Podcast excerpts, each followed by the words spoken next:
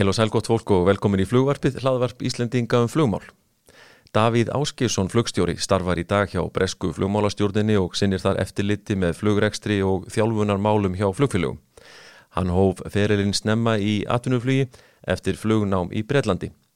Hann var flugstjóri hjá EasyJet á nokkrum stöðum félagsins í Európu og flutti síðar heim og færiði sig til VAU-R og tók þar við stöðu Chief Technical Pilot og syndi þjálfunarmálum fyrir flugmenn þegar félagið var í mjög örum vexti. Við ætlum að heyra aðeins af Ferli Davís hér á eftir og ræða meðal annars við hann um tíman hjá EasyJet og VAU en ekki hvað síst ætlum við að ræða við hann um hans sérsvið í þjálfun flugmanna sem kallast Evidence Based Training eða hefni miðuð þjálfun eins og það hefur verið íslenskað.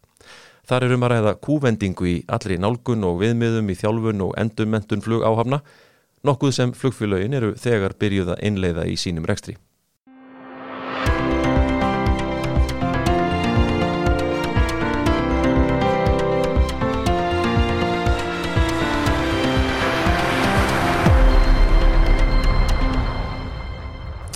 Já, hann er ringa á komin Davíð Áskilsson flugstjóri og eftirlitsmaður hjá Bresku flugmálastjórnini. Verður velkomin í þáttinn. Já, takk fyrir það. Takk fyrir bóði. Svona, mér langar að byrja svona aðeins áður við förum nú í hérna svona þinn feril í fluginu sem er litríkur og langur. Uh, aðeins um hvað þú ert að gera fyrir Bresku flugmálastjórnina í dag. Í hverju fælst svona þín vinna? Uh, já, uh, staða eftirlitsmann flugmálastjórnina, þetta titlast á ennsku Flight Operations and Training Inspector og, og það er svona markþætt starf. Um, Flight Operations Inspector það þýðir að við erum eftirlitsmenn flugur ekstrar uh, og svo er Training Inspector hlutin þá sinnum við eftirliti með þjálfun flugmanna innan flugfélaga en einni svona uh, staða yfir prófdómara. Uh, þetta eru svona helstu svona verkefnin en, en svo koma fleiri verkefni þarna inn til dæmis úttekt á flughermum þar sem að við tryggjum það að, að flughermar séu nægilega góðir til þess að, að þjálfunin sé uh, áasettanleg fyrir, uh, fyrir flugmenn. Um, það þarf að, að skoða þessi tæki einu svona ári og það er bara mjög skemmtilegt verkefni.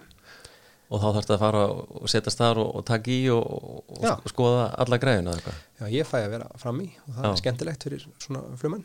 Og það eru einhverjar aðri sem eru sérfræðingar í því að skoða allt sem er á bakvið og tryggja það að það sé allt saman rétt. Töl, tölvukerfi og gögn og annað sem er á bakvið sem, mm -hmm. sem að tryggja uh, eðlilegt umkörfi með því hvernig þetta er ótrúlega teknið þannig að bakið Er, er, er, er þú þá með einhver ákveðin flugfjölug svona á þinni könnu? Já, þannig að við erum uh, ég ætla við séum ekki svona 14 uh, eftirlitsmenn á flugræstarsviðinu það er að segja fyrir uh, flugvélar og svo er uh, annað eins teimi fyrir þyrlur. Já Þetta er alltaf 70 uh, flugfélög sem við skiptum að hafa á millokkar.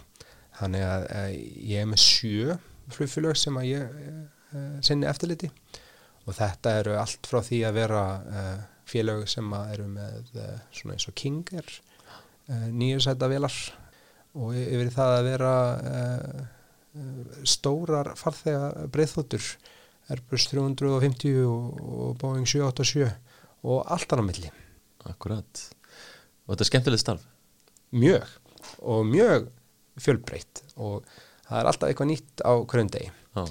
Uh, og, og það er eiginlega það svona skemmtilegasta við starfið að maður er búin að fá insýn í alls konar flörekstur og þegar maður hefur svona brennandi áhuga á flugi og ég hef svona aðeins sér aft mig í þjálfunamálum um, að, að þá, þá fæ maður þarna verðmæta og góða insýn í, í svona, já, hvernig það er hægt að, að hátta flugur ekstri á mismunandi hátt en samt allt sko gott. Um, það er bara ein reglugerð sem allir þurfa að fylgja en samt getur flugustunum verið svona mismunandi eftir hvort þú sett með, með litla takja að setja sko proppvél eða, eða risaþóttu það eru samu, samu leikreglur en þetta þarf að virka fyrir hvern og einn og það er bara ótrúlega gefand að sjá hvernig fólk sinni þessu Þú sagði mig líka frá því að sem að við varst áhugavert að, að þú sem eftirlitsmaður þú hérna starfa líka eða þið er gert að kleifta að starfa sem flugstjóri. Já. Hvernig virkar þetta? Já, ég, ég er rosalega eh, ánaði með þetta fyrirkomulag vegna þess að, að það er svona eh, breska flugmálastjórn eh, leggur áherslu á það að, að þeirra eftirlitsmenn séu svona uh, current, að þeir séu uh, flugumenn sem eru uh, ennþá starfandi sem slíkir uh, og, og, og þannig uh, ná þeir að halda á svona ákveðnu credibility uh, og, og þannig að það sem að gerist er að þegar maður er uh, þegar, þegar maður er, er, er komin inn og, búin að starfa í svolítinn tíma þá er manni bara útlita sæti hjá einu flugfélaginu sem er með flugstarlefi og færa, að færa flugu hjá þeim. Þannig að ég hef datt í lukkabottin og, fæ að fljúa Airbus 320 Jaha, það er mjög skemmtilegt. Fyrir hvaða flugfélag er það? það heitir uh, Acropolis uh, Aviation og þetta er svona þetta er, þetta er Airbus 320 enga þóta þetta er svolítið sérstakur rekstur mjög skemmtilegur. Já, það lítur að vera einmitt eins og þú nefndir á allt öðru sér heldur en svona eitthvað reglumutið áallin og flugu eða eitthvað slíkt. Já, já, já, heldur betur. Uh, einmitt það sem að maður er vanur að starfa fyrir svoleiðis félag og þá komast í það umhverfi þar sem að uh, allir dagar eru öðruvísi og þú ert að fara á nýjan áfangastað nánast í hvert einasta skipti og þetta er bara ein flugvel sem er hjá þessu félagi. Þannig að maður, maður uh, sem flugstjóri þá sinnir maður alls konar skildum sjálfur í varðandi plan og flugi og annað. Þannig að þetta, þetta er bara mjög skemmtilegt. Já. Það lítur að hafa við að sko flækt verulega málin í öllu sem tengist flugrekstri eins og við höfum aðeins heyrt pata af hér á landi líka á síðustu vikum bara eh, Brexit í, tengslu við allt sem að heitir eftirlit með flugi og, og bara rekstur flugfélaga.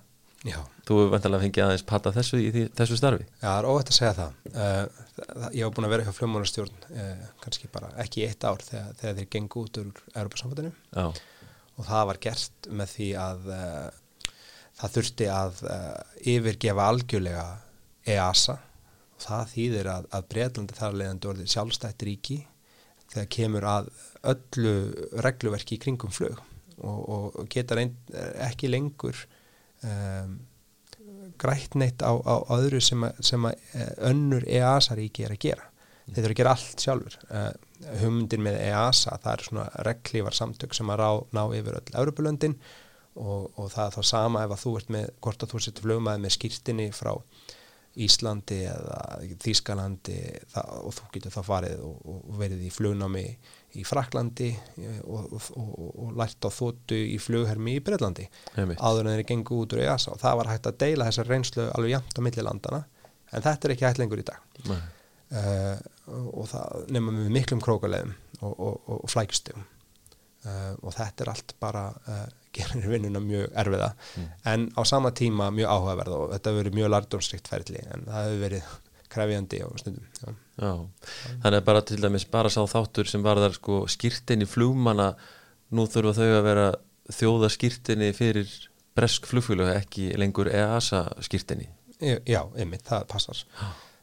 Þú getur ekki lengur uh, flóið uh, þóttur sem er skráð í Breitlandi nema þú sért með brest flugskýrstinni Já, þetta lítur að flækja málin ansi mikið á alla lund svona.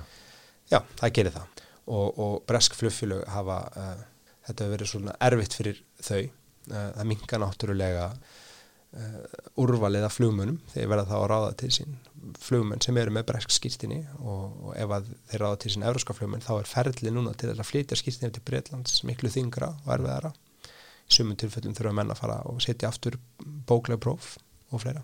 Þannig að þetta er, þetta er uh, það eru líka tækifæri í þessu fyrir, fyrir uh, Breitland og þess vegna völduðu nú að fara þessa leið. Og ég ætla nú ekki að dæma hér hvort ég hefði valið en, uh, en, en, en þeir eru ánaðir margir með, með þetta sjálfstæði sem er að öðlast og, og geta þá til dæmis segja þeir að þeir geti bröðust hraðar við uh, eða koma kröfur um, um, um reglugerði breytingar sem þurfa að eiga sér stað að þau þurfa ekki lengur að fara og, og fara til allara ríkina sem eru undir EASA til að fá þau samþygt á í 16 ríkjum eða hvað þetta er. Uh, þá getur uh, þetta eina ríki breytand bara ákveða að breyta reglunum og verið þannig uh, bröðust þannig snarpara við Það lítur að hafa líka verið sko á hinum endanum missir fyrir EASA að fá þessa miklu flugþjóð eða sko missa hana út úr þessu samstarfi, eróska samstarfi. Já, já, því þeir, þeir mað, ég veit það nú bara breyta voru mjög svona aktífir og, og öflugir þarna já, já þeir, voru, þeir voru bara stór hluti af EASA þegar það var stopnað Já, og það kom mikil þekking inn í stopnunina frá, frá Breitlandi og, og, og breska flugmálastjórn var áður fyrr stór og stæð og vel virt stofnun. Og, og aðrar erbreyþjóður horfið oft svona til upp til bresku flugmálastjórnar mm -hmm. á þessum tíma þannig að um, þeir höfðu alltaf verið döglegir að, að gefa út reglur og reglugerðir og, og alls konar skjöl til þess að, að svona uh, skýra verklagsreglur. Og það er svona þægilegt að fylgja þeim. Og EASA hefur bara innleitt fjöldan allan af þessum verklagsreglum og, og það er að leiðandi á Breitland stóran hluta af EASA reglugerðinni uh, og það er því svekkandi í dag fá þeir ekki lengur að, að taka þátt í að, að þróa hann áfram. Já, einmitt. En hérna, við ætlum nú að sko tala aðeins hérna meir um þjálfunamálinu eftir og, og svona þessar kerfisbreytingar sem er að eiga sér stað í þjálfunamálum flugmanna, ekki hvað síst en svona langun aðeins að lofa hlustendum kannski kynast aðeins manninum uh, og þínum, eins og ég nefndi það, litrika ferli í, í fluginu hvernig gerist það að, að bara að flugið fer að heilla þig á, á yngri árum? Já, uh, það var nú engin í fjölskyldinu eitthvað tengdur inn í flugið, Nei. bara alls ekki uh, nema hvað að pappi fekk einhvern tíma það flug höfuðið að hann langaði að verða flugmaður og ákvaða að, að, að hefja einhver flugmannsnám og hann kláraði sóloprófið og einhverju, einhverju tímapunkti þá fekk ég að fara með í flug og ég hef bara verið fimm ára eitthvað. Og þetta var eina af mínu fyrstu æskum minningum. Og, og ótrúlega sem að mér fannst það spennandi og skemmtilegt. En svo gerðist ekki neitt og maður held bara áfram að vaks og grassi nema hvað ég fór í sveit sem úlingur og uh, var tvö sömur hann í um, norður af Kolsvelli um, mitt á milli Gunnarsholts og, og fljótsliðarinnar og það var nánast aðlega það sem að þristunum flög yfir. Með látum. Já, okay. og, og það var ekki leðilegt að liggja þarna í, í grasinu og, og horfa þristi fljóður og þá let maður sig kannski eitthvað að dreyma. Oh. en, en svo var það ekki fyrir að, að á mentaskóla árunum að þá hérna kom uh, flugskóli Íslands með svona kynningu inn, það voru starfstagar í mentaskóla með Hamralið og ég er svona, já, þetta gæti verið eitthvað spennandi. Ég skelli mér bara í kynningarflug já. og síðan var ekki aftur snúið. Það smitaðist í algjörlega flugbakteríunni. Og, og hvernig hérna, tekur enga flugmanni hérna heima og svo leiðis og, og, en, en fer síðan út í atvinnuflugmannsnám? Já, klára Oxford uh, og við vorum hérna stór hópur á Íslandingum uh, sem var mjög skemmtlegt og ég hafði svona heyrta af því að, að það fór vel á á meðal þeirra sem hefur verið þarna sem ég kannast við, þeir töluði vel um námið. Og ég ætlaði nú bara að fara í bóklanámið en leist vel á skólan og, og einhverju tímapunkti þetta var svona stuttu eftir 11. september ennþá, uh, þeir voru ennþá að leita eftir fleiri nefnundum í flugskólan og þeir buðið okkur sem voru þarna uh, á bóklanámskeiðinu hvort við vildum ekki halda áfram. Og, og, og ég sló til og kláraði allt verklega námið líka hjá Oxford. Fórum til uh, Ameríku í Phoenix í Arizona. Það tóku við verklega námið uh, og fjölhrefla áritun. Það þurfti ég líka að safna tímum sem var algjörst ævintri leiði við bara, við vorum þarna þrjú saman að safna tímum. Leiðum sessnu 150 og flugum um Vesturíki bandaríkjana oh. og klömanlegu tími. Uh, já, og líka svo blindfluginu í Breitlandi, það er nú ágætt að æfa blindflug. Það er fín skilir til þess um, og, og að hopna samstarf og allt svo leis og svo ákvæði ég bara að verða eftir í Breitlandi að þessu námi loknu og freista svo litið gæfina þar. Og gá hvert ég finn ekki einhver starf starf fyrir mig þar. Og fer það að sækjum bara hjá flugfélögum í, á bresku flugfélögum? Já, eða í rauninni bara öllum flugfélögum sem ég dætti í flug okay. en ég ákvaði að vera samt þarna. Ég var, með, var þarna með uh, Oxford ný, ný útskrifaður og þeir voru svona eitthvað aðeins að reyna aðstóða okkur að sækjum störf bent okkur svona á uh, réttar leðir til þess að undibúa fyrirlskrána og, og, og hva, hvað maður ætti nú að gera og, og þessu tíma. Þá var til einhver bók það sem var bara skrái yfir Európsk flugfélag með heimilisvangi og var bara held ég prentu ut hundra bref sem fór í umslög og voru sendt aðna nokkur á dag. Hangur til, til að einhver svaraði noksins okay. og hvar, hvar, hvar hérna barðið niður í, í fyrsta fyrstu vinnunni? Uh, það var uh, flugfélag sem er ekki lengur til uh, en það heitir, það hétt Emerald Airways og var staðsett í Liverpool.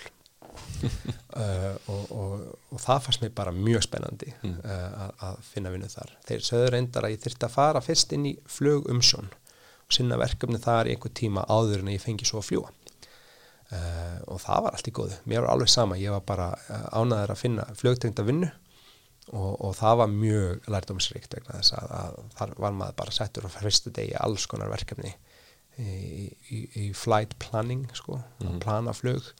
Uh, skráargerð kall út flugmenn í flug.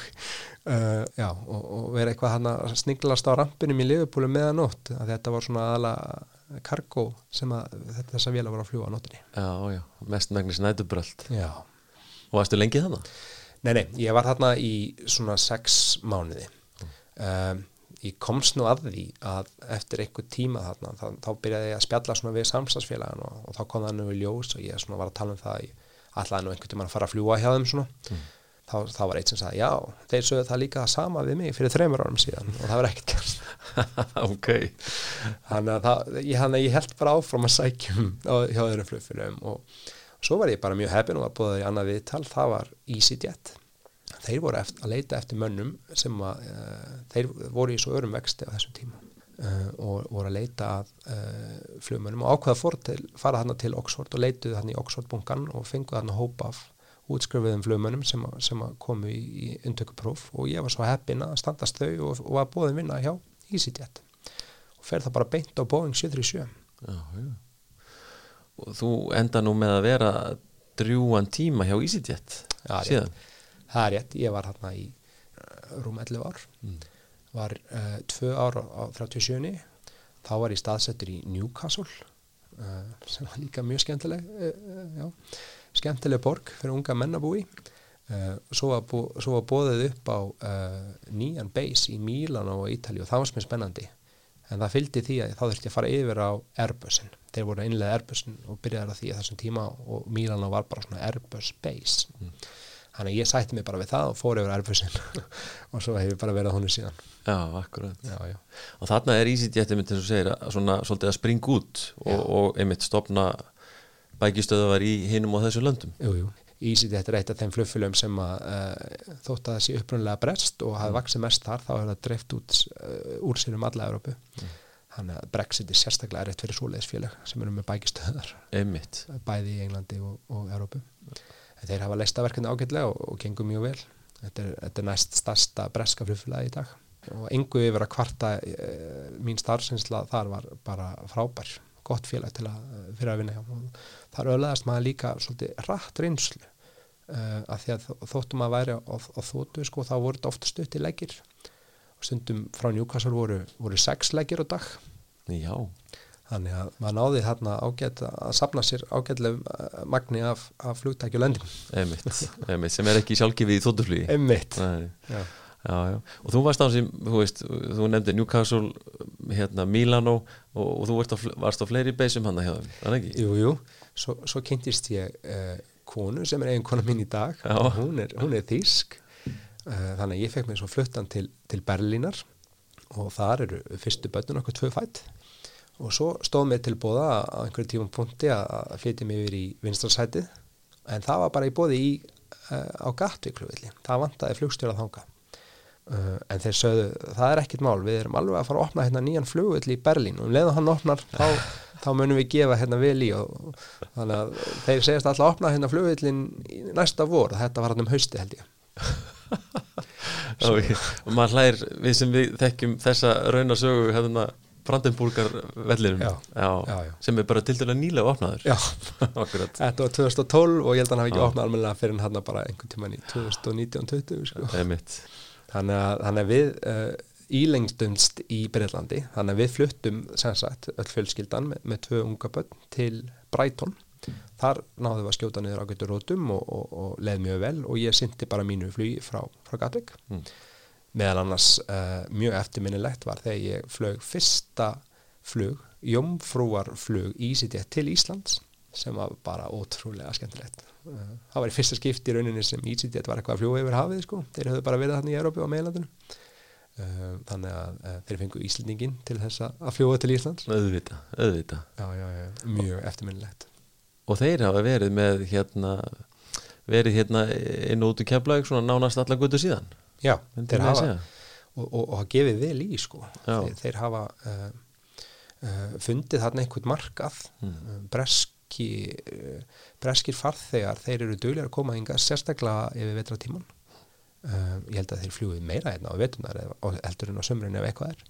Og um, uh, já, á einhverju tímanpunti voru þeir uh, næst stærsti flugurengandin sem stundaði einhvers konar áallanarflug til Íslands. Nei mitt að þetta hefur verið gert heilmikið fjölmjöla viðbörður verið úr þessu flugi náttúrulega, er það ekki? Jújú, jú, ég var plattað til þess að teimi út úr gluggan með íslenska fánan og, og þá var tekin einhver ljósmynda mér sem að ég hlæði en það þegar ég sé einhverja fréttur um íslensk í fjölmjölum í dag þá byrtist mynda mér hann út úr gluggan sko. Með íslenska fánan?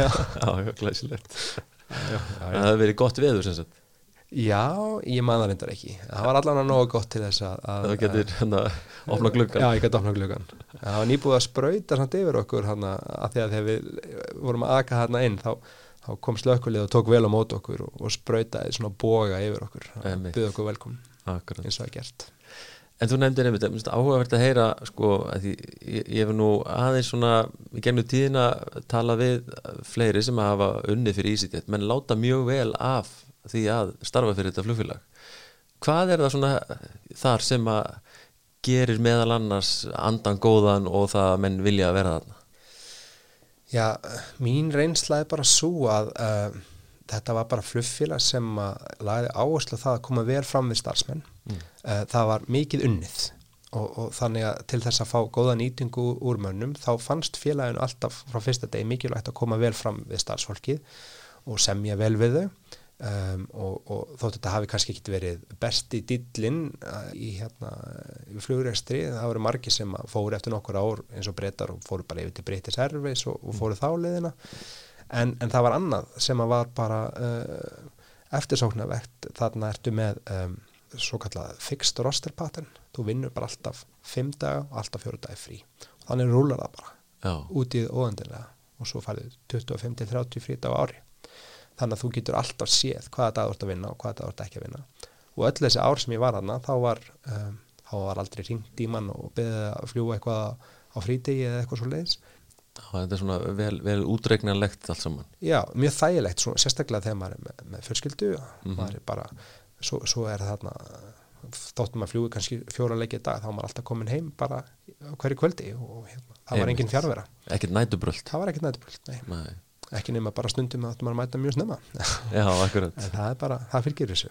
Einmitt. En svo voru þeir líka uh, þegar þeim gekk mjög vel þá, ákveðu þeir að gefa flumunum svona hluta af hagnaðinum. Uh, það var svolítið sniðið til þeim. Ef að þeir náðu sínum fjárhagslegu markmiðum á, á hverju ári þá, þá gáðu þeir öllu starfsfólkinu og áhöfninni þar með talið andverið tækja vegna launa í hlutabrjum hjá félaginu og þar eru við þá orðnir hlut Já, hluthafar bara, hluthafar bara í, í félaginu, þannig að starfsmenn. Já, já. og þannig að það er, það er okkur í hag að félaginu gangi vel. Einmitt. þannig að þá verður maður svona já, að ferja að róa kannski með flugfélaginu meira, Einmitt. ég veit ekki hvort að það sé eitthvað hlutaði en þeir pössuðu það að, að, að þú, þú fjækst ekki, sko þau voru læst uh, hlutabrefin og þú gast ekki fengið uh, ávinningin nema þú væri búin að vera hjá þeim í þrjú orð þannig að það var svona ástæði til að vera áfram og, og það voru margir sem bara, uh, já, kunnu vel að meta þetta. Þetta var, þetta var svona, mér finnst þetta flott hjá flugfélagum að leifa starfsmunum að, að njóta velginginar svona bara beint. Eins og maður heirt þetta kalla loyalty bónus svona já, einhverju leiti einmitt. Og eitt af því sem að ég veit er, er ekki við líði hjá EasyJet en, en veit að flugmenn horfa til að sé svona já, meira jákvægt en neikvægt allavega er að hafa starfsaldurslista. En er, hann er ekki við líðið þarna hjá, hjá þessu félagi. Hvernig var það að virka samt? Þa, það er svona kostur og allavega það. EasyJet hefur til dæmis mjög sjaldan þurft eitthvað að, að minga við sig. Fyrir COVID hefur aldrei þurft að skera eitthvað niður. Nei. þannig hefur svo sem kannski aldrei reynda á þetta fyrir tiltölulega nýlega. Og uh, menn kvörtuð aldrei yfir þessu. Þeir þekktu ekkit annað kannski það, það myndast samt svona ákveðin svona samheldni í hópnum þarna til dæmis þegar uh, COVID kom fyrst uh, þá, þá tilkynnt í þessi þetta voru eitthvað búin að reikna það út að, að svona til að breðast strax við þá þurftu þeir að minga stöðugildinum 270 eða eitthvað svo leiðis og þeir náðu að gera það án þess að, uh, án þess að, að það þurftu ekki að segja neinum upp. Þannig að, að það voru margir sem að tóku það bara early retirement ákvaðu bara að gefa sætið sitt löst fyrir yngri flumun sem var kannski með fjölskyldur og þeir gáttu hafið efnað því að hætta fyrr og, og, og fundur svona það, það var svona góð stemning í hófnum, menn pössu upp á kvotnana og um, líka uh, aðri tóka þessi hlutastarf þannig að þeir náðu að minga þessi 270 störf uh, á þess að segja um upp og, og það er rosalega flott sko. Mm -hmm. þannig að það reyndi ekki á neitt svona starfsvöldislista en, en svo reyndar síðan þá þá hefa þurft að skera ennþá meira niður veit ég. Og til dæmis flækjast málinn að því að það eru uh, það eru samningar við verkefælis fjölög í öllu mismunandi Európa-löndunum Já, og hverjum, hverjum beis, hverjum stað. Já, Já. það eru bara lokal samningar í Fraklandi og, og Ítali og Þískalandi við stættafélaginu á þeim stað. Og það er kannski aðra reglur sem er þar við líði þannig að, að og þegar enginn setja félagslisti til að fara eftir þá kannski vandast málinn það eru aðra reglur sem eru notaðar. Þannig að þetta, ég veit að þetta hefur verið mjög erfitt. Mm. En svo við segjum nú skilið við hérna EasyJet tíman uh, í byli þá hérna þú tekur ansi stórt skref hérna fyrir ekkit svo mörgum árum og, og, og hættir þar til þess að koma hérna upp á, upp á klagan Já Já, ég var mjög, þetta var stórskref eins og þú segir Já. vegna þess að ég var mjög ánæður og, og kollega mínir sem að ég er ennþá í sambandi við þarna hjá EasyDet þeir sumir ennþá hrista hausum hvað ég var að spá að, að fara þarna uh, úr svona stabílu jobbi sko þar sem að maður var hann allan tíman á þess að lenda til dæmis nokkur sinnum í uppsögn eða neitt og þeir hafðu bara verið almenlið við mig og búið mig tækifæri, ég fekk hérna kaftens uppgreit til dærulega snemma og var svo bóðin uh, eh, þjálfunarstaða og var komin inn í þjálfunarmálin og meiri sig aðeins byrjaði að skipta mér svona að stjórnunarstöðum svona. Mm. Þá uh, var annað Íslands þauðfélag líka með Airbus uh, sem að ég kannast nú við nokkra þar svona, sömur sem voru með mér í flugnámi og, og, og, og fleiri svona gamli kunningjar og þeir voru svona ofta potið mig hvort að ég vildi ekki koma og vera með þeim í, í partíuna hann að hjá Vá sko. Já, einmitt. Rósalega gaman sko og þessu tímapunkti þetta var, hann erum við kannski komið til svona 2016 þá hafði Váer svona búið að vera til í nokkur ár og það gekk vel hjá þeim. Mm. það hefði gengið vel hjá þeim í nokkur ár. En þannig að framöndan voru svona ákveði vaksta skeið, ég held að þeir eru að vera að fara úr 5 í 12 vélar. Og um, og þeir náðu bara að plata mig. Bara sluðis já, mér fannst það bara rosalega spennandi. Já. Og líka þarna var ég komið tvö börn og þriða leðinni og, og hérna búin að vera svona 15 ára næst í burtu frá Íslandi.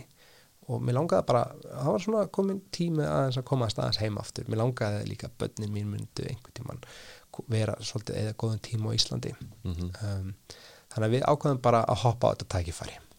Og hvað þú kemur inn sem flugstjóri á, hjá Vá og, og í rauninni líka aðeins inn á skrifstofunni og slíkt? Já, já, þeir voru hérna að svona glíma við ímsa vakstaverki mm -hmm. sem fylgir mm -hmm. uh, og ég reyndi bara aðstofa það eftir bestu geti, ég gæti kannski meilað einhverju smá reynslu frá EasyJet og tók mig þarna stöð sem Chief Technical Pilot svona tækni flugstjóri í höfum mm.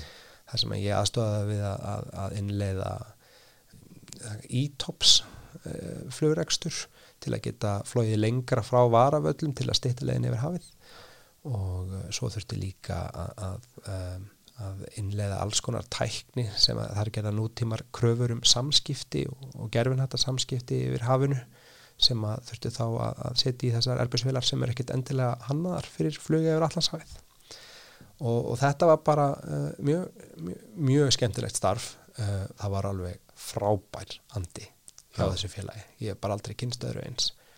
Það var, það var alltaf gaman að mæta í vinnuna. Það, var, það voru frábærir uh, kollegar og allir smituðist af, af þessari vá um, stemmingu.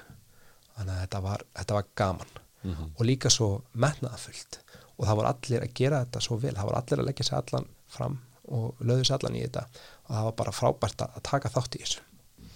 Var þetta ólíkt öllu öðru sem þú hafðir gert fram til þessa? já, já, já, ég, e, e, ólíkt og ekki ólíkt, ég, þetta var náttúrulega flugregstur á Airbus 320 sem að ég þekkti vel, þekkti vel. en það var öðruvísi að fljúa er hafið, já. það var öðruvísi að fljúa með svona, sko, hjá EasyJet var þetta mikið fólk sem að á þessum tíma verið þarna í svolítinn tíma og og fólk var alltaf heim til sín á kvöldin og, og það er einn af kostunum við, við, við EasyJet starfið en, en í váer þá til dæmis byrjar að fluga til Ameríku og þá, þá er maður þar yfir nótt eins og Æslandi náttúrulega og þá fer maður svona aðeins að heimur er stækkar aðeins.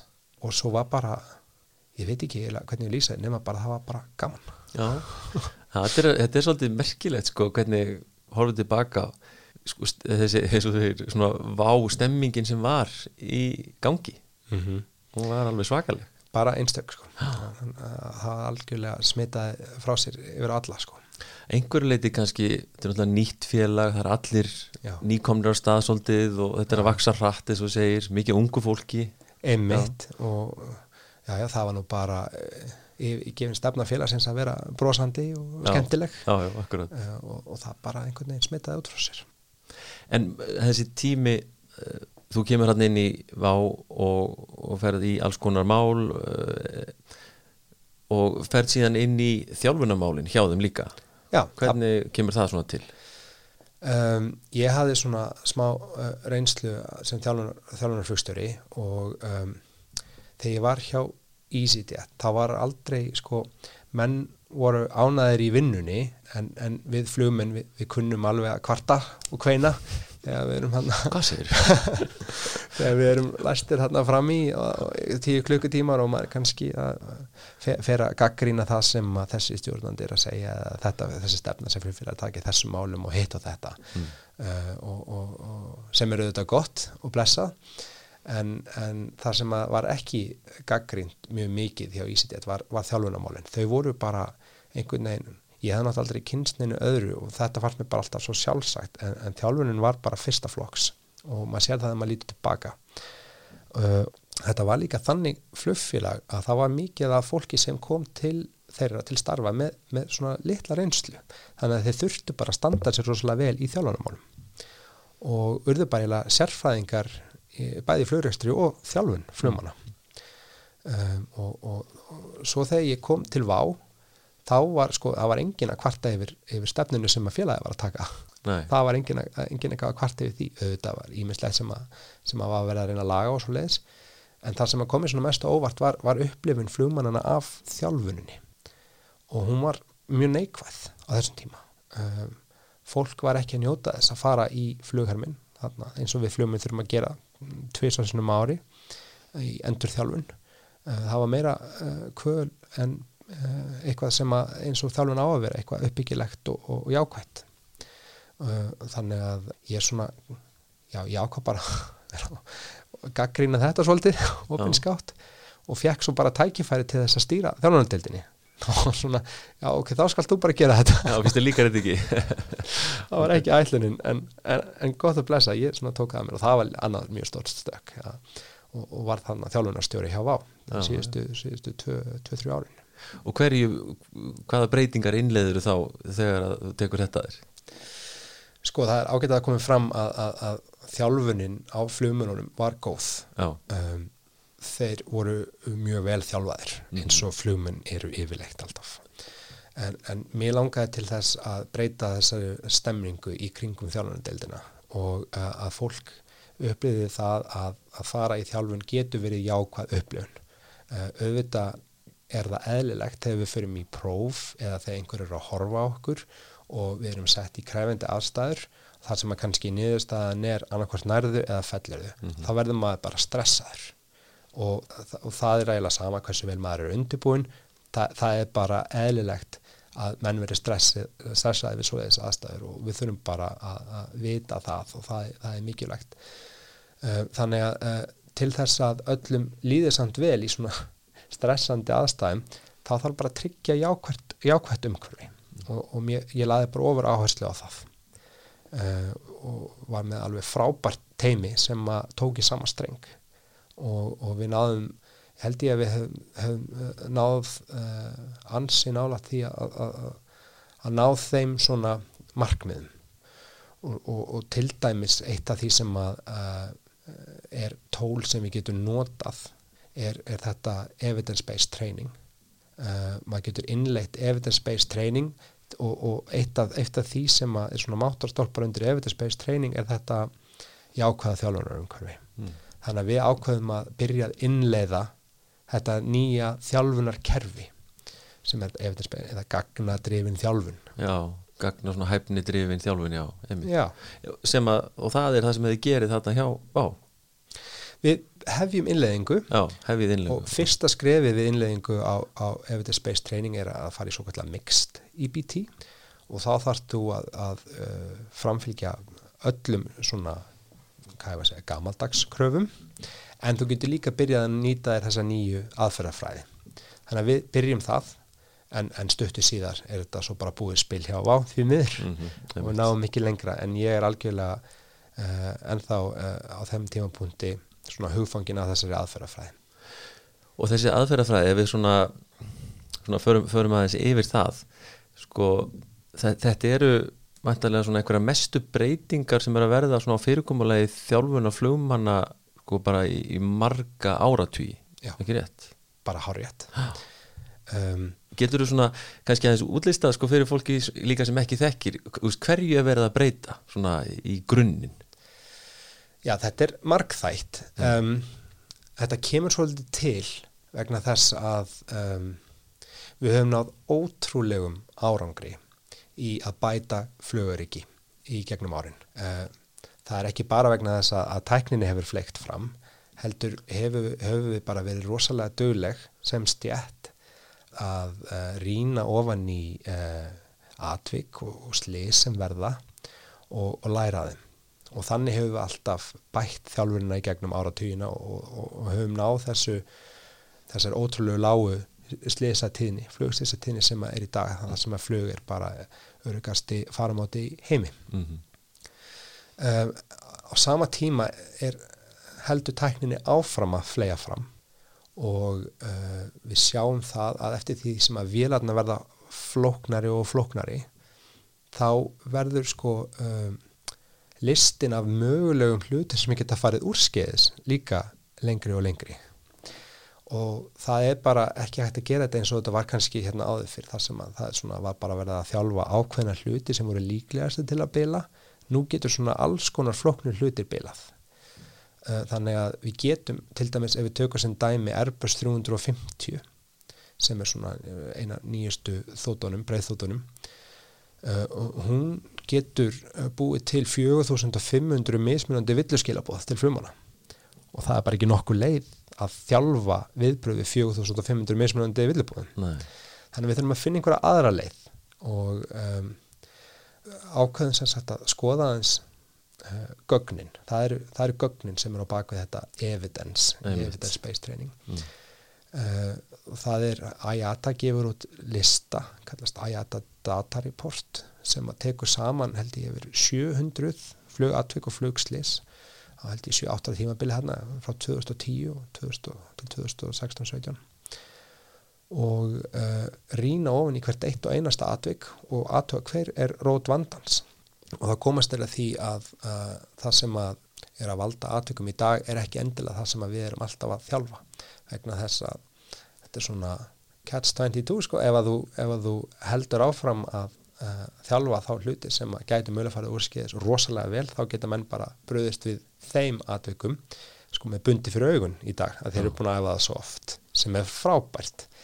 En með því að gera þetta svona þá höfum við náð tíðni flugslisa rosalega lágt niður. En við tókum eftir því að uh, þessi tíðni hætti að lækka. Þóttum sé orðin ótrúlega lág þá hætti hún að lækka á síðasta áratug. Og þar sem að vöxtur í flugi þrátt fyrir alls konar áföll sem dinja uh, efnahagslægðir og COVID og fleira þá, þá mun fólk alltaf halda áfram að, að, að fljúa og, og uh, því er spáð að uh, flugvöxtur mun tvöfaldast á næstu sjö árum. Og það þýðir bara ef að tíðnin er, jafn, er, er jöfn þá, þá munu flugslýsum líka tvöfaldast. Þá munu flugslýs tvöfaldast. Uh, sem er bara ósættalegt þannig að við þurfum að leita allra leiða til þess að halda áfram að hækka rána continuous improvement eins og við segjum. Þannig að það er svona ástæðina fyrir við, við förum í að skoða þessar nýju aðfyrir, hvað getum við gert til þess að ná utanum þetta, hvernig getum við bætt þjálfum flumana erum við að tala um þá svolítið að sko starf flugmassins í dag mann er finnst á köflum að þetta sé orðið jafnvel sko að með þurfa að vera eitthvað slags kerfisfræðingar eða, eða uh, hafa einhverja sérfræði tölvu kunnáttu til þess að geta flóið þessum nútíma flugul Já, uh, þetta er bara horrið Vi, við um, flugmenn höfum um, í gegnum tíðina lagt ofur áherslu á þetta svo kalla stick and rudder skills sem er þessi færni að stýra vilinni en við sjáum það að það er ekki, það er ekki þetta sem að er að valda atveikum eða alvarlegum slísum í dag. Heldur það er eitthvað allt annað eitthvað, eitthvað ótrúlega flókið. Mm. uh, og, og þá eru mörg atriði sem koma saman. Uh, og eitt af því er ofta að það eru kannski einhver uh, vittlaus svona fyrstu viðbröð flugmana í einhverju flóknu kerfismáli. Það, það er kannski einhverja tölfur sem að þurft að stilla öðruvísi eða einhverja atriði og og, og bregðast öðruvísi við. Þannig að starf fljómansins í dag um, er ekki lengur það er ekki jafn, lengur sérstaklega í þessum svona nýjustu þótum þar sem að tæknin er algjörlega fleikt fram þar sem að, að, að þótan aðstöði bara við að fljúa fljóvilinni uh, þú getur alltaf tekið yfir og handflóði vilina sjálfsögðu en það er ekki lengur það sem er mest öðrandi það er uh, þetta að, að stjórna þessu flóknu kerfi. Þannig að við þurfum að við þurfum að hugsa þetta svolítið upp og nýtt. Hvernig getum við undirbúið flumenn uh, til að takast á þessa nýju áskoranir í þessum nútímalu vilum En samt erum við að hafa þennan, þennan grunn líka alltaf eins og þú segir, til þess að geta kúpla frá og, og, og, og flóið þetta svona på gamla móðun sko. Já, algjörlega, það er ennþá sko, þetta að kalla hérna airmanship í gamla daga sko. Uh, þú þarfst að vera góður flugmaður en til að vera uh, sko góður kaftin þá þarfst að hafa allan pakkan líka sko. Mm. uh, þú þarfst að tala um hérna the training triangle. Það er þrjú atrið sem þurfa að koma saman. Það er sko skills, attitude og knowledge. Það er, það er færni uh, viðhorf og þekking og, og sko og, færnin eða skills það er svolítið verið að vísa til þessa stikkarötter skills, það er að geta ennþá handflöði vilinni og við getum auðvitað um, bara bætt þessa færni með því að æfa okkur. Og það gerum við bara með því að sapna okkur tímum og sapna okkur reynslu. Og, og þannig með tímanum æfum við þetta og æfum þetta reglulega í flughermi líka í þessu krefunda aðstæðum. Um, en, en það má ekki gleyma hinum hlutunum sem, a, sem a eru óriðunlega hlutur að því að vera, vera hæfur flugmaður það er þekkingin sem er grundvallega þekkingin, þekkingin sem þarf að vera til staðar. Og þannig að við þurfum alltaf endur ment okkur og lesa okkur til. Uh, og uh, það sem er já, ekki síður mikilvægt er þetta að hafa rétta viðhorfið, vera með rétta attitútið um, og það er kannski það sem er erfiðast að breyta þegar til að bæta þekkinguna þarfstu bara að lesa meira til að bæta færnina það þarfstu bara að æfa þig meira en til þess að breyta viðhörfniðinu það þarfst að leggjast í svolítið mikla vinnu og þú þarf kannski einhverja leiðbynningu með það. Akkurat. Þannig þetta snýst orðið meira í dag kannski um að, að þjálfa eh, hæfni og svona til þess að díla við hinn og þessi vandamál sem geta komið upp en, en ekki endilega akkurat að það dreipist á mótótnum hjá þér í flugtæki á þessum tímapunkti eða eitthvað, eitthvað slíkt? Heldur meira svona að menn hafið þessi svona hæfileika til þess að díla við vandamálin og, og halda áfram? Já, segjum sem svo að, að, að það sé til dæmið það sem er ofta eftir er, er svona um, e, góðaránd, frákvarfsflug það, við þurfum að æfa það sem flugumenn Hætta við lendingu. Hætta við lendingu. Og þetta er eftir á, á, á einu mótor Já. því það er svona mest kritiska sem að hættir á týrhefla vel þú ert bara, áttir bara einn mótor eftir og þú ert að hætta við lendingu á, á verstamöðulegsta tímapunkti sem er í lámarks skíahæð Og þetta er í reglugjörðin í dag? Þetta er í reglugjörðin í dag og hefur verið og hefur einst vel. En, en þetta er það sem við þurfum að gera í hvert einsta skipti sem við förum í próf. Um, og svo er þessi sko uh, ég kannu vel ekki við að kalla þetta gamatarsjálfun aðferðin, þetta er kallað svona task-based training, það er verið að, að þjálfa bara ákveðin svona verkefni og ef við horfum bara þetta frákvarflug sem ákveði verkefni þá uh, ef, ef að sá sem er í prófi gleymir einhverju í, í frákvarsflugi það þarf til dæmis að, að, að færa flapana eitt af því sem það er að gera í frákvarsflugi og, og, og hækka þá. Uh, segjum að það gleymist þá svona í, í task-based training þá, þá kemur pródómarinn og sagði já þú, þú, þú, þú glemdir að, að færa flapana þannig að næst þá skaltu mun að færa flapana. Já, og svo skulum við gera þetta aftur. Og Já. þá fer hann í frákvæmsflugið og auðvitað mann hann eftir því að færa flapan í þetta skiptið. Og þá hefur hann staðist alla reglur. Og, og þetta er svona þetta er tæknilega séð ná til þess að ná prófunu en og, uh, þetta þykir kannski ekki alveg nógu gott vegna þess að þetta er bara eitt af þeim 4500 atriðum eða hvað er sem að geta farið úr skeiðis eða, eða miklu fleiri, mögulega getur óendalegir þannig að uh, með, með þessu var bara eitt atriði lagað en það sem evidence-based treinleikur áherslu á að það þarf að komast að rót vandans. Af hverju glemd hann að fara flapana? Var það vegna þess að hann kunni ekki verklagsregnur alveg náðu vel var kannski búin að glema þeim hafði ekki rifið þær upp. Þannig að þetta er svona application of procedure vandamál eins og að kallast. Eða var þetta vegna þess að, að það myndast svo mikið álag uh, á þessum tímapunkti og hann, hann svona náði ekki alveg að, að, að, uh, forgangsraða rétt. Þannig er þetta svoleiðis vandamál eða er þetta, þetta samskipta vandamál náður ekki, kom ekki rétt kall frá hinum flugmannunum uh, af hverju var hinn flugmaðurinn af hverju misti hann að þessu líka?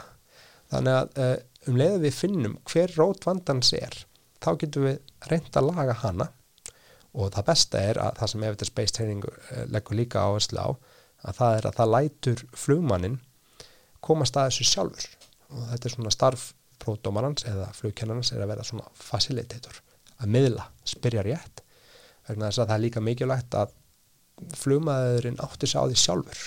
Þá eignast hann lærdóminn og er miklu líklegri til að munna þetta er svona uh, þjálfunar uh, fræðipælingar sem eru komin inn í flugbransan og, og hugmyndin er þá að segjum sem svo að þetta hafi verið samskipta vandamál, þá erum við búin að adressa það, þá erum við búin að greina það og getum notað restina af þegar prófið er þarna búið og við hefum kannski eftir halvan, uh, já, segi, tvo klukkutíma af flughermin og svo daginn eftir að prófið er búið, nú getum við bara farið og einbytt okkur á þjálfun og, og reynda að bæta þetta communication vandamál sem við vorum búin að finna út að vari rótvandans Mm. og, og pælingin er þá að þá erum við kannski búin að fyrirbyggja eitthvað allt annað atvik sem gæti komið upp þar sem að, að, að communication eh, hefði kannski leist það mál. Eh, skýr samskipti um, og þetta er bara eitt dæma mörgum.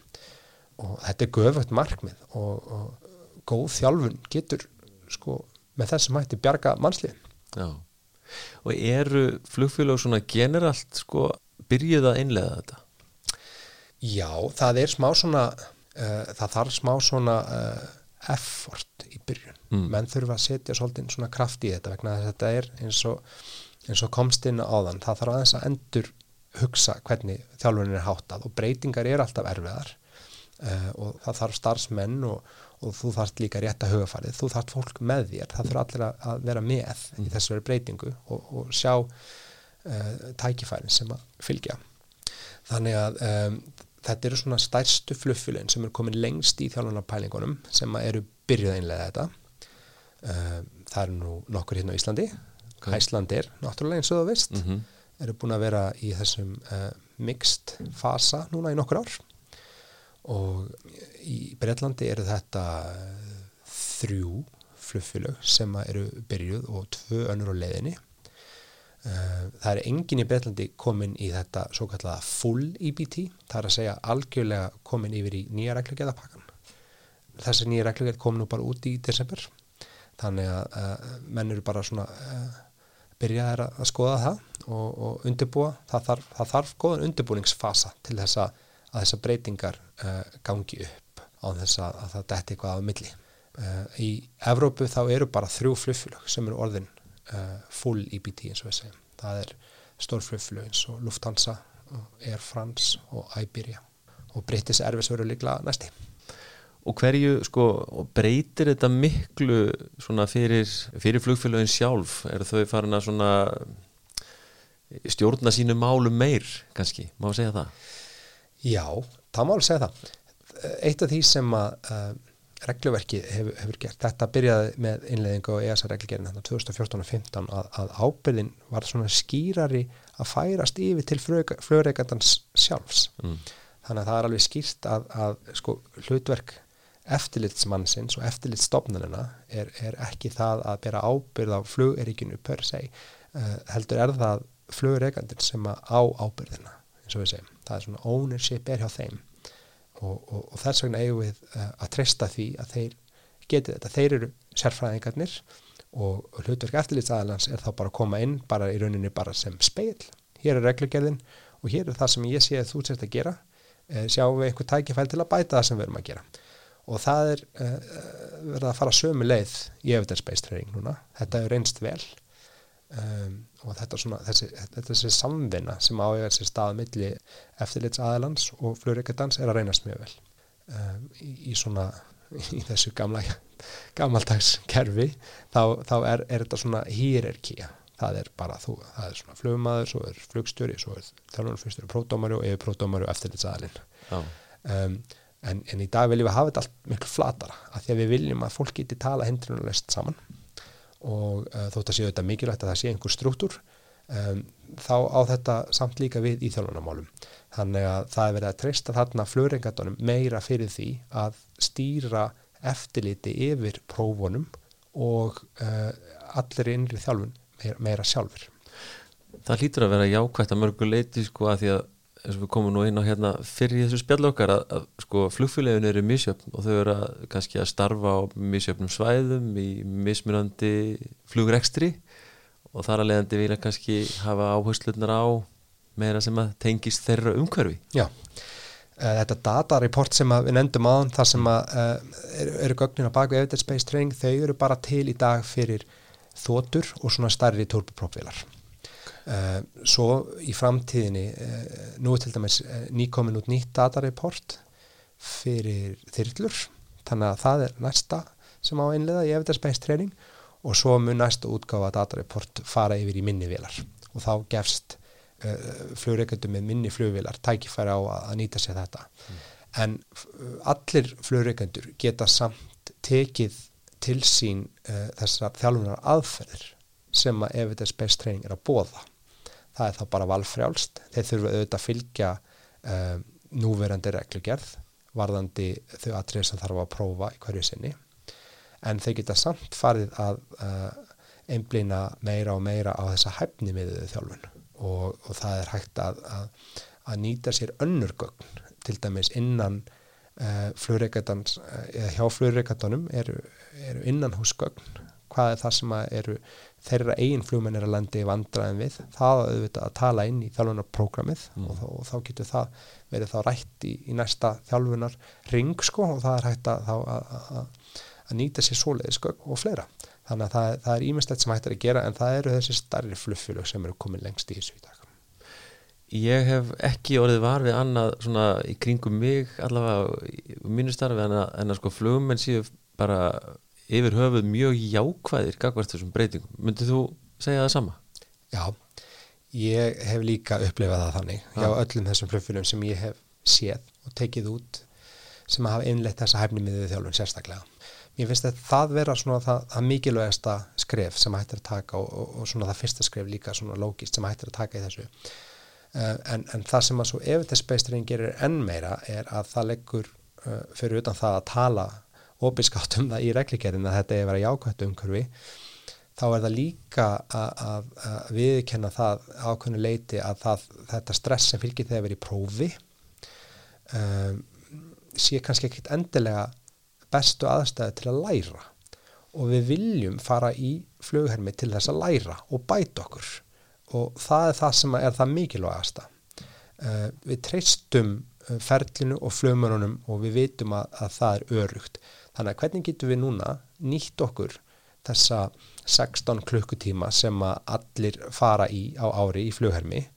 Uh, hvernig getum við nýtt þessa tíma betur? Það er ekki verið að koma með kröfum fleiri tími í flughermi, það er einfald að verið að segja um, kannski í dag þá er þetta meira svona 75% próf og 25% þjálfun.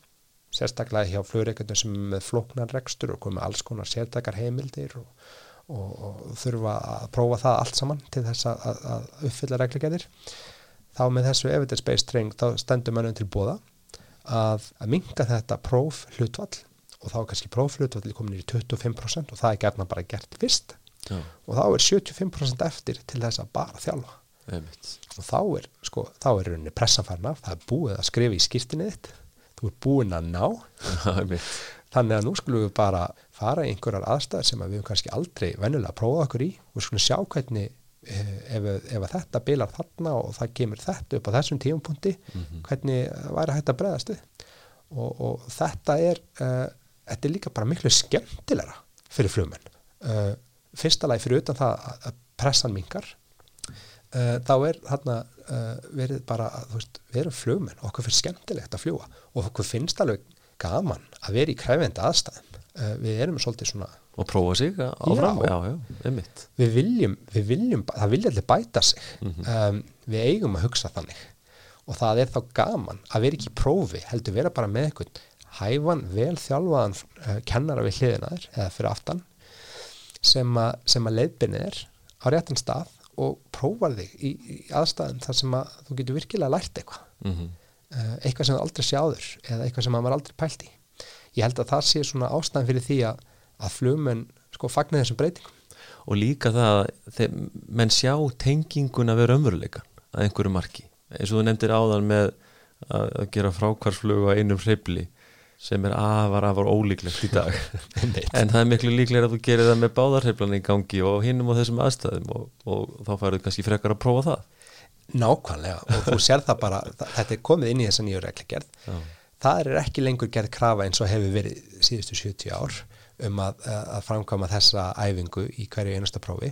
Heldur er núna lagt til, við ætlum ekki að hætta að æfa þetta vegna þess að þetta er ennþá mikilvægt, en við ætlum þurfum ekki að æfa þetta lengur í hvert skipti vegna þess að gögnin sín okkur að það eru flugmenn sem fara í frákvarsflug með báðar hefla en þeir fara kannski í frákvarsflug að einhverjum um, óundubúnum aðstæðum, ástæðum, þeir eru ekki búast við því að fara í frákvarsflug, það kemur kannski eitthvað upp þeir þurfa að hætta skyndilega við lendingu. Þeir eru samt kannski langt frá jörðinni en það fer samt allt í kleinu einhvern veginn. Og, og þetta er bara mjög algengt. Já. og þetta kom bersinlega í ljós í, eh, þegar við verðum að fara yfir þessi 700 atvik. Þannig að er space training hún segir við erum að æfa þetta í hvert einasta skipti því þetta er það sem er að fara Einmitt. og við erum að prófa alls konar aðstæður til þess að, að, að auka þetta sem, sem er kallað resilience svona, flugmanna til þess að, að ef, að ef kemur upp eitthvað óvænt og menn finna, sko, sérstaklega ef, ef við náum að finna þessi svona, svona viðbröðs, sjokk og startel Mhm. uh, kallast þetta, ég veit ekki hvað er íslensk orðið við það Nei, að mann er, man, man er bregður, krossbregður. Krossbregður? Og það, það kom Ef einhver eitthvað svona kemur upp á. það Já, auðvitað, það er eðlilegt maður bregður og, og, og, og, oft í þannig aðstæðum ef að menn ekki þjálfaðir fyrir það þá geta það kannski fara að gera eitthvað sem er bara ótskynalegt eftir á Akkur gerði þetta?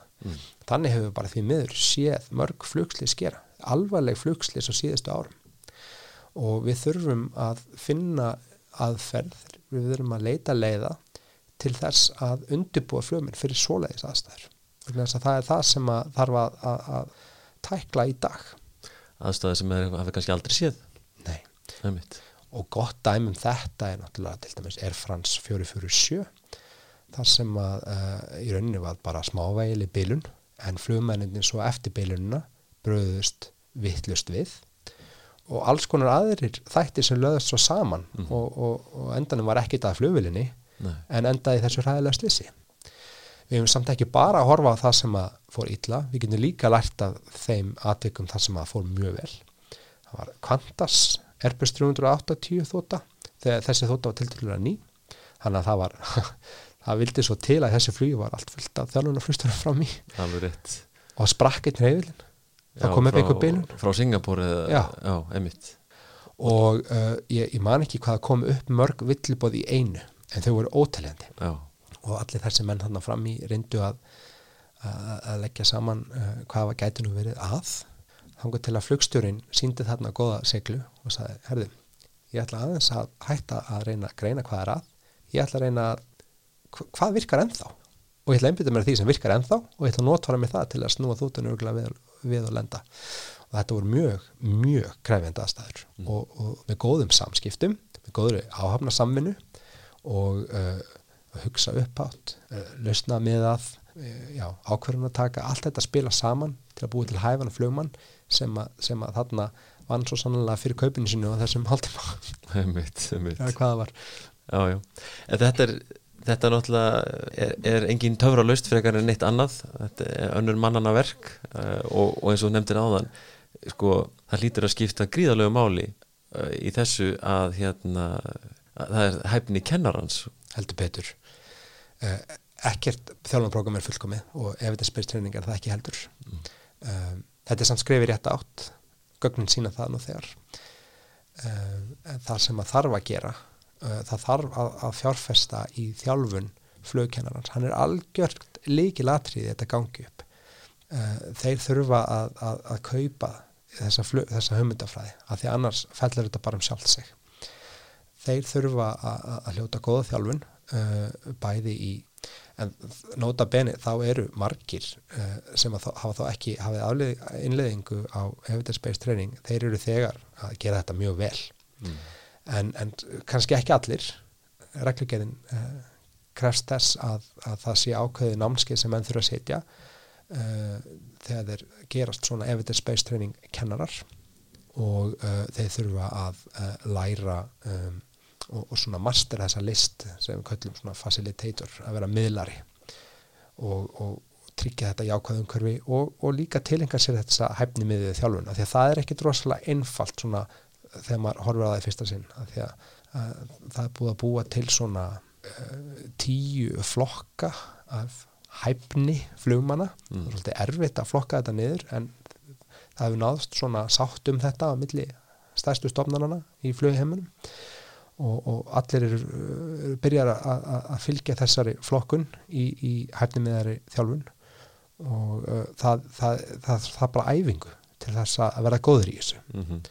og, og, og þess vegna þurfa flugkennarar uh, góða þjálfun og bara æfa sig. Og við veitum það í kennslufræðanum að endurgjöf er svo mikilvæg. Við erum miklu líkleri til að muna einhverja hluti eða einhvern lærdom ef við rifjum það upp Uh, og það er það sem er svo mikilvægt eftir, eftir uh, flug, flughermin tíman í flugherminum að, að flugkennarinn hjálpi þér að draga lærdóminn og leggja það, hjálpi þér að leggja það að minnið hver var rótvændans, hvað getur við gert svo á morgun eða næst hefur við komið saman saman til þess að reynda að bæta okkur. Um, og þetta hlutverk kennarans á ekki að vera að leggja dóm endilega á, á, á flugmannin heldur bara að hjálpa honum að koma staði sjálfur og vera þessi svona hlutlösi aðli og, og það hjálpa líka til að skapa jákvæmt umhverfi. Þá líður fólki betur, það líður ekki eins og einhver sé að dæma þig heldur einhver spurði mig bara og, og leiðbindi mér á réttan stað þannig ég komst aðeins sjálfur hvað ég get gert til að bæta mig. Eða ég komst aðeins sjálfur af hverju gekk þetta svona vel? Hvað var ég að gera þarna mm. sem var til þess að þetta gekk svona vel? Og hvernig get ég nýtt mér það í einhverju öðru? Akkurat. Og þú ert að gera rannsókn núna á akkurat þessu máli ekki satt? Jú, jú. Jú, jú, maður er svona bólakafi í þessum pælingum. Ég ákvaða hérna að á þessum tímapunkti uh, eftir að, að Váer fór og, og ég var að leita mér að nýju starfi uh, ég skráði mig þarna á, á kennaranámskið í Evidence Based Training hjá IATA og var líka að vinna fyrir flugskóla í Breitlandi sem var berið að innlega þessa aðferðafræði við þjálfun flugmanna á, í tegunda áratun á Airbus 320 þannig þar gæti ég svona nýtt mér þetta strax. En svo ákveði líka bara svona til að hafa alveg örgla nú að gera að, að skrá mig hérna í, í nám. Þannig ég er núna að ljúka mastersnámi í uh, London City University í fluristarfræði og, og er að skrifa lokaríkirina um hvernig best að uh, undibúa hinn svona task-based flugkennara yfir í að færa sig yfir í hefni með það þjálfun þannig að þetta er mjög áhugavert rannsóknarverkefni Ok, getur eitthvað sagt okkur er, ertu komið með eitthvað hindum niðurstöður eða svona hvernig, hvernig þetta verður best gert? Já, já, ég held að ef að hlustundur spóla bara aðeins tilbaka þá er ég vel eftir að stikla svona helstu punktunum sko. um, það er bara rosalega mikilvægt að, að gefa, uh, gefa mönnum tíma og, og, og, og færi á að æfa sig já. það er til dæmis uh, krafa um það í þessari reglugerð uh, að, að einu svona ári hljóti kennarar og prófdómarar í evitur space training umhverfunu sérstakka þjálfun, þetta kallast að ennsku instructor concordance eða integrated reliability það sem að þér er stilt upp allar hina, þannig að þú sérð hvernig þú ert að standa þig ef að, ef að uh, það er kannski verið að keira sama þjálfunarprogram en þetta er allt sko uh, náttúrulega, uh, það er búið að fjarlæga þú getur ekki greint hver var að gera hvað en þú getur borið þig saman við aðra og, og færð þarna endurgjöf í þessum æfingum þá varst þú alltaf að, að, að gefa uh, þessum flugmanni þessa engun og þú, þú greindir að það var þetta þetta kompetensi eða þessi hæfni sem að þyrta að æfa en allir aðri kollegarnir fundi eitthvað annað og þá getur þú bara að hugsa verið sjálf ok, já, gæti verið eitthvað annað, önnur rót hann að baki heldur en það sem ég hafi komist að. Og þú getur borðið þannig saman og fengið þannig endurgjöf og, og, og, og maður þarf að gera þetta, þetta er holdt maður þarf að, að alltaf að hugsa hvað get ég gert til að bæta mig. Og þetta er vendarlega mitt að, að menn séu með svona sömu sín á þessa Já. hæfni miður þjálfum þessar kompetensa að, að hún sé nokkur eins það er svolítið verkefni það er verkefni og það er bara æfing og það þarf góða leiðbennendur til þess að aðstofa menn við þetta. Eh, vegna þess að eh, eins og ég kom inn á þann þá er þetta svona, þetta, þetta, þessi höfufarsbreyting er svona hvað stærst fyrir það sem hafa ekki gert þetta áður. A, og þetta er bara svona eins og öll ön- ön- önnur færni og það hafa bara að æfa þetta til, til þess að bæta sig. Mm. þannig að það er svona, svona frum niður staða þessara rannsóna Já, akkurat. Ummitt En uh, hvað svona með framhaldið með sjálfa þig? Þið búið ytra í dag og þú að vinna hjá Bresku hljómálistjóðinni sérðu, sérðu fyrir þig að koma aftur til Íslands? Er, er, er, tógar það eitthvað? Já, ég neita því ekki. Það er uh, hverki betra að vera. Og ég kom til dæmis núna í, í heimsókn hérna í nokkra daga bara til þess að komast aðeins í íslenska sömrið og, og þá fá maður bara áminningu um hvað það er yndislegt að vera hérna og, og ég segi nú bara eins og margir aðri íslendingar sem hafa búið erlendis í, í borgum að, að maður saknar náttúrunar og maður saknar frelsisins fyrir börnin sem er svo verðmætt. Þannig að það er aldrei að vita nema maður koma aftur heim. Ég er, ég er mjög ánæður en þá samt í starfinu hann úti. Mm. þannig að uh, uh, mér finnst þetta skemmtilegt þetta er fjölbreytt, ég fæ að taka þátt í alls konar uh, alþjóðlegum nefndum. Ein, ein IKEA nefndin sem ég fæ að starfa er akkurat þessi competency based training það er verið að uppfæra nýjastu handbók IKEA um, um þjálfunamál sem heitir PANS training og ég fæ að stýra hópavinni þar. Uh, og mér finnst þetta allt svo skemmtilegt og spennandi en þó ég fæ þarna alla þessa mismunandi insýn í, í fluguröstur og, og fæ að fljúa meðfram þessu. Þannig að ég, ég, er, svo, svo ánæður hérna og, og þetta er svo góðu vinnuveitandi líka. Þannig að, að það er mjög erfitt að, að skipta en, en, en svona já, þú sér það ég er ekki að það er loð, loðið svar. Ég, þetta er svona þarna tógast ímislegt á. Já, já, eðlilega. En það er nú að vengast eh, hagur í, í bransanum okkar, flugbransanum svona eftir COVID og, og hérna. Hver veit nema að opnist nú einhver tækifæri hér, hér á hérna, Íslandi fyrir þig og fleiri vonandi. Já, bara vonandi sem flesta. Já, vonandi sem flesta. Davíð, kæra þakki fyrir að koma í flugvarpið og, og svona útlista aðeins um þessi svona mál sem að þú ert nú sérfræðingur í og, og segja okkur aðeins frá sjálfum þér. Já, takk fyrir mig. Við segjum þetta þá bara gott í billi og flugvarpið kveður þá og þar til næst bara, góða stundir